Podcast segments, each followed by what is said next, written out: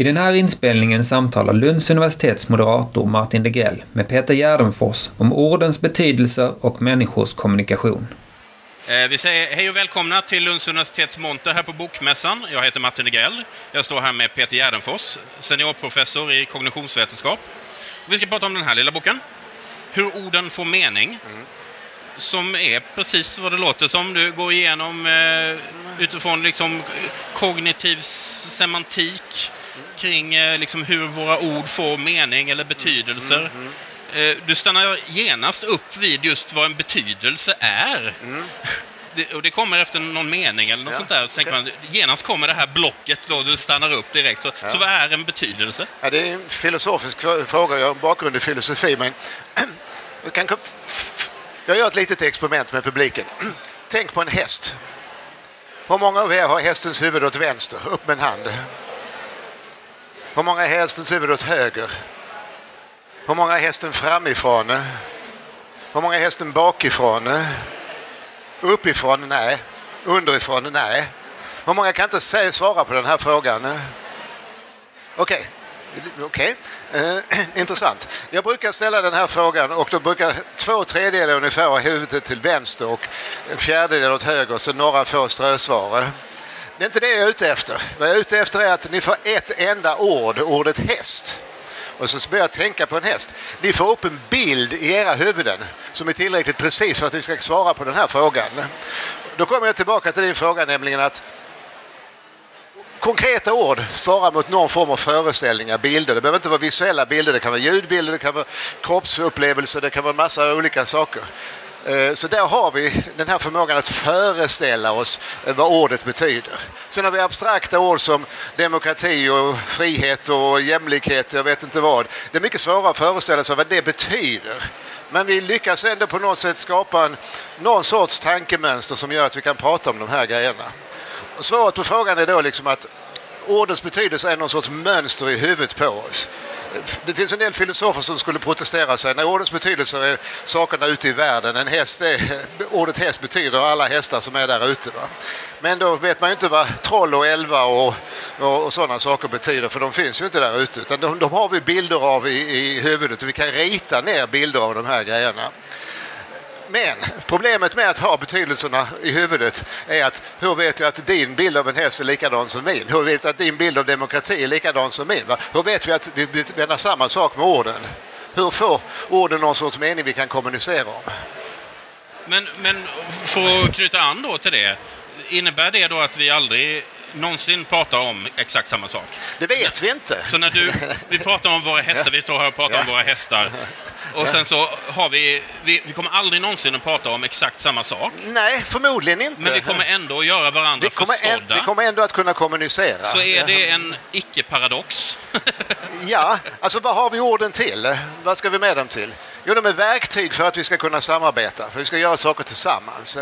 Och verktyg kan ju fungera på lite olika sätt. De är som spikar och hammare och skruvmejslar och, och så vidare. Vi, vi, använder, men vi använder orden för att samarbeta. Ibland misslyckas vi.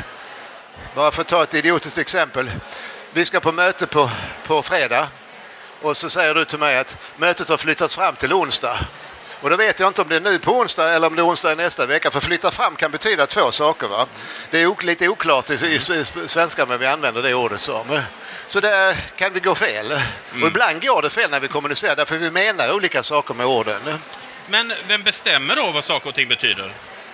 Det vanliga... är, det, är det en kommitté som sitter och... Nej? Nej, alltså det vanliga svaret man får när man får den frågan är liksom att det står ju i ordböckerna vad orden betyder. Det är de som bestämmer. Nej, det är fel. De bestämmer ingenting. De rapporterar hur vi använder språket. Och om betydelsen ändrar sig, och det gör de över tiden, så måste ordböckerna också ändra sig. Så att ordböckerna är någon sorts ledtråd. Och vet man inte vad ett ord betyder så kan man ju slå upp det där och se ungefär hur folk i allmänhet använder det. Men det finns ju alltid ord vi bråkar om eh, vad de betyder. Så utöver några få ord som kanske då någon eh, expertgruppering eh, bestämmer, det här är ett specifikt term för ja. det här specifika vi håller på med. Ja. Då är det, i övrigt är det så att säga vi. Okej, okay. då gör jag en, en, ett annat experiment med publiken här. Hur många av er tycker att spindlar är, är räliga insekter? Okej, okay, jag lurar er. Spindlar är inga insekter. Spindlar har åtta ben, insekter har sex ben. Det har, det har experterna bestämt. Att eh, spindlar ska ha åtta ben, insekter ska ha sex. Men i vardagsspråket så betraktar många av oss, eh, jag har ingenting emot att man säger, så använder ordet insekt även för, för spindlar. Det är liksom, där har vi en, en, en sorts distinktion mellan vad experterna tycker att djuren ska sorteras och hur vi gör det i vardagslivet. Mm. Och sen så har du då, då eh, för att återkomma till hästen, eller för den delen spindeln, mm. eh, med bilderna som skapas i våra huvuden. Du kommer ju in naturligtvis på Platon och hans eh, idé då om ja. idévärlden, att här har vi spindel, spindelns idé, kan man säga, ja. som då är något annat än en insekt. Mm. men, eh, men du går ju vidare med den här, som jag tyckte var spännande, den här prototypteorin. Mm som då alltså, om jag förstått det rätt, inte är spindelns idé, utan snarare kanske den representativa bilden av en spindel. Kan man säga så? Spindlar är så räliga djur så vi pratar om fjär, fjärilar istället. Ja, eh, men det finns ju massor med fjärilar och ber jag tänka på en fjäril så får ni kanske upp någon speciell. Men om jag frågar er vilken färg har fjärilen så kommer ni ge en massa olika svar. Va? Men formen och liksom hur den flyger är vi alla ganska väl överens om. Och sen finns det mer eller mindre typiska fjärilar. Så när vi använder ett ord när vi kommunicerar så brukar vi utgå ifrån att ordet betyder den här typiska betydelsen. Om jag säger till er att jag ser en fågel så kommer ni kanske tänka på en koltrast eller en pilfink eller någonting sånt. Men sen säger jag men det, det var en pingvin och då blir ni genast förvånade därför att det är en ovanlig fågel. Och då skulle jag ha sagt pingvin och inte fågel därför att pingvin är inte en, ingen typisk fågel. Så jag skulle ha använt ett annat ord något annat du skriver ganska mycket om och som jag tycker kunde vara passande för vi befinner oss på Bokmässan, det är metaforer. Mm, mm. Eh, men det är inte bara i poesin vi stöter på metaforer, vi stöter ju på dem precis överallt. Yep. Stöter på... Visst, bra. Du, ja, du, du, du, kommer in på att det finns liksom... Eh, metaforerna är så vanliga i vårt språk mm. att det finns något som heter döda metaforer. Ja. Vad är det? Alltså, det är sådana som inte märker. När du säger stöter på, va? Då är det liksom, det, det, stöta betyder ju eh, knuffa egentligen, men vi stöter på någonting i, mentalt istället. Och det här är metaforen är ett väldigt bra sätt att när man ska beskriva de abstrakta betydelserna, då använder vi väldigt ofta metaforer och för att koppla ner det till något som vi har erfarenhet av. Eh, Okej, okay, jag kommer bara på enkla metaforer nu som flaskhals och stolsben och sånt där. Vi tar kroppen och så, så delar, sätter vi på det här. Men vi har också andra mer abstrakta metaforer. Men, eh, en väldigt vanlig metafor är, är, att vi talar om upp och ner när det gäller eh, mera. Så att vi får högre lön, vi får en högre ställning i samhället. Alltså mer är upp helt enkelt.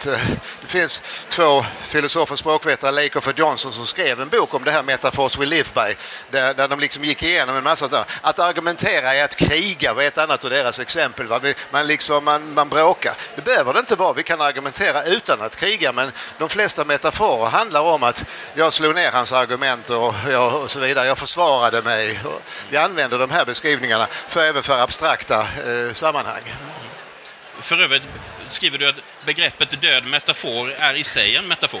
Ja, död är ju ja. metaforen, inte död i sig, utan det är en metafor. Visst? Men, men, eh, De är väldigt vanliga. vad gör då ett språkligt uttryck till en metafor? Du, du pratar om uttryck från olika domäner som på något sätt inte kan ställas samman, men som ändå gör det. Ja. Och sen så skapas någonting. Ja, det här är en, en sak som jag jobbade med lite mer akademiskt. Att titta på de olika ordklasserna, adjektiv och verb och eh, prepositioner och sådant och se vad är det som är gemensamt för dem? Och det visade sig att, om vi tar adjektiven, de delar in sig i olika klasser. Så vi har färgord, vi har ord för former, rund och kantig och så vidare. Vi har ord för storlekar. Det finns olika begreppsrymder eller begreppsdomäner som de här adjektiven lever på, eller som de refererar till.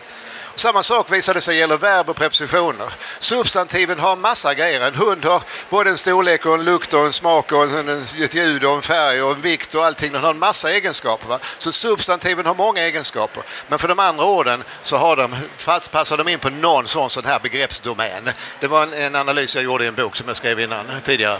Ja. Mm. Eh, något annat du kommer in på, vi hoppar lite här, men något annat du kommer in på är det du kallar ordens kemi. Mm. Ännu en metafor. Mm. Eh, vad menas med det? Den metafor jag använder är att om vi kombinerar väte med syre så får vi en substans. Kombinerar vi väte med kväve så får vi ammoniak. Alltså det blir något helt annat. Och då kan vi ta som exempel ordet röd. Och läser man, slår man upp Svensk ordbok så står det att röd betyder samma färg som rinnande blod. Ett av grundfärgerna associeras normalt med varmt. Det är definitionen av röd i Svensk ordbok. Sen kan man gå vidare i ordboken och så kan man läsa en massa ord som börjar med röd. Så det finns rödalg, röd arsenik, rödbeta, rödfisk, rödgran, rödhake, rödhårig, rödklint, rödkål, rödlök, rödtunga, rödvin och flera, flera, flera. Men Rödlök är ju inte färgen av rinnande blod. Rött vin är inte färgen av... Det är en helt, alltså, ingen av de här exemplen så betyder röd samma sak som den här eh, eh prototypiska eh, rödfärgen. Men vi förstår ändå vad rödlök betyder för att det är rödlök i förhållande till gul lök, i förhållande till vitlök och så vidare. Det är de här kontrasterna som gör att vi begriper vad rödlök betyder. Så det är en, en exempel på orden kemi, att beroende på vad man kombinerar det med så får vi olika, olika Eh, betydelse. Just det, hur kontextbundet Kontexten, är. det är. Men också då historiskt, hur ord förändras och så vidare. Ja. Alltså det, man hittar nya kontexter till dem och sådär. Ja. Nej, ordens betydelse står ju inte stilla. Det finns ju, jag har som ett exempel ordet hemsk. Det betyder från början eh, någonting som hade med hemmet att göra. Vi har kvar det i uttryck sådana som inhemsk och folkhemsk. Men det betyder någonting, att någonting kopplat till hemmet. Och sen betyder det någonting som var lite tråkigt och enahanda. Och sen betyder det någonting som var lite inskränkt. I Hellqvists etymologiska bok står det att hemsk är någon som har setat för mycket hemma. Det är en hemsk person. och sen blev det ännu mer negativt. Det blev liksom dum och, och så vidare. Och så blev det obehagligt. Eh, hemskt. Eh, men senare tid så har det blivit ett slangord, så nu är det ett allmänt förstärkningsord. Man säger att eh, han var hemskt stolt över att ha kunnat baka en, en soufflé. Eller hon är väldigt snygg i sina nya pumps.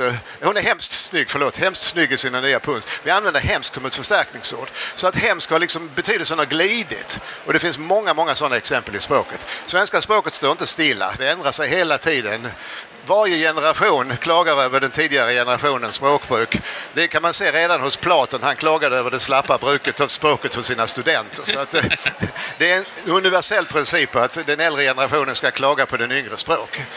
Men sen har du också flera exempel på hur eh, vissa ord eh, så att säga ändrar betydelser på ett sätt, de, alltså semantiska transformationer utan att egentligen förlora sin tidigare betydelse. Vilket föreställer mig kan bli lite förvirrande. Kanske särskilt om man inte har, i det här fallet, då, svenska språket som ett modersmål. Mm, ja, nu tappar, jo, då, men nu kommer jag inte på något bra exempel. ja, att, alltså, du, näm du, nämner orden löpa och hålla. Jaha, ja just det. Ja, men det är väldigt vanligt att, men det är också metaforiska eh, utvidgningar.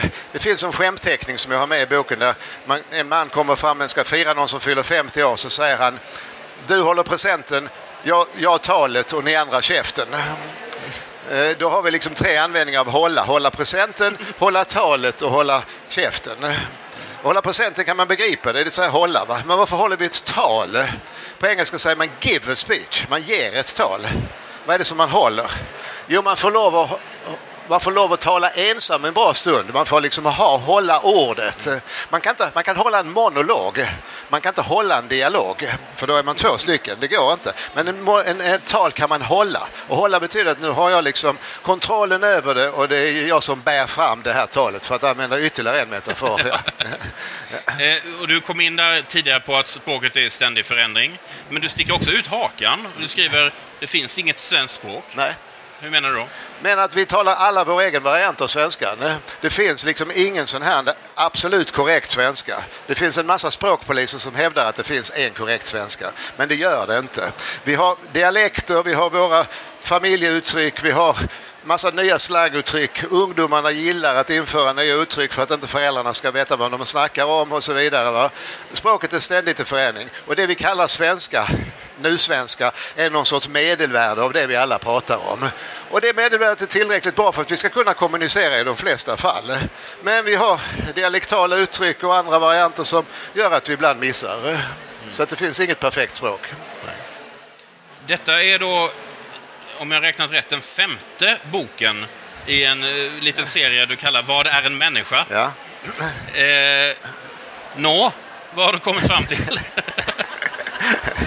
Den första boken handlade om människans tänkandets evolution. Den heter Hur Homo blev sapiens, hur vi utvecklades som tänkande.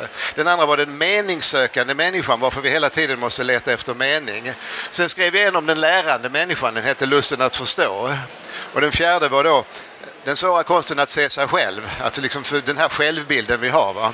Eh, och den femte är, denna, om, om, språket, hur vi använder, hur vi använder språket. Mm. Så är, jag har inget fullständigt svar, jag tar, jag tar en liten bit av människan i taget. Men är du... Okej, okay, om vi säger så här då. Är du... Eh Eh, nu, nu räcker det. Nu är det fem böcker. Där, där, där sätter vi punkt. Nu kan jag det här. Liksom. Eller har du några fler? Kommer det fler i den här serien? Eller vad händer? Det får vi se. Alltså, den här är precis nyutkommen så att jag har inte riktigt hunnit planera för nästa bok. Men det, det är möjligt. Kommer det fler coronaepidemier så får jag mycket mer tid att skriva. Så att då, då kanske det blir en bok till. Kanske ett outtömligt ämne. Om det nu, det är, människa, så i förändring det, det, det går ju inte. Jag, jag, det finns ju massa aspekter från humanistiska ämnena som jag inte behärskar. Jag får ju ta mina, de sidorna av människan som jag har någonting att säga om. Boken heter alltså Hur orden får mening. Peter Gärdfors, tack så mycket för att du kom hit. Tack så mycket. Tack så mycket. Tack.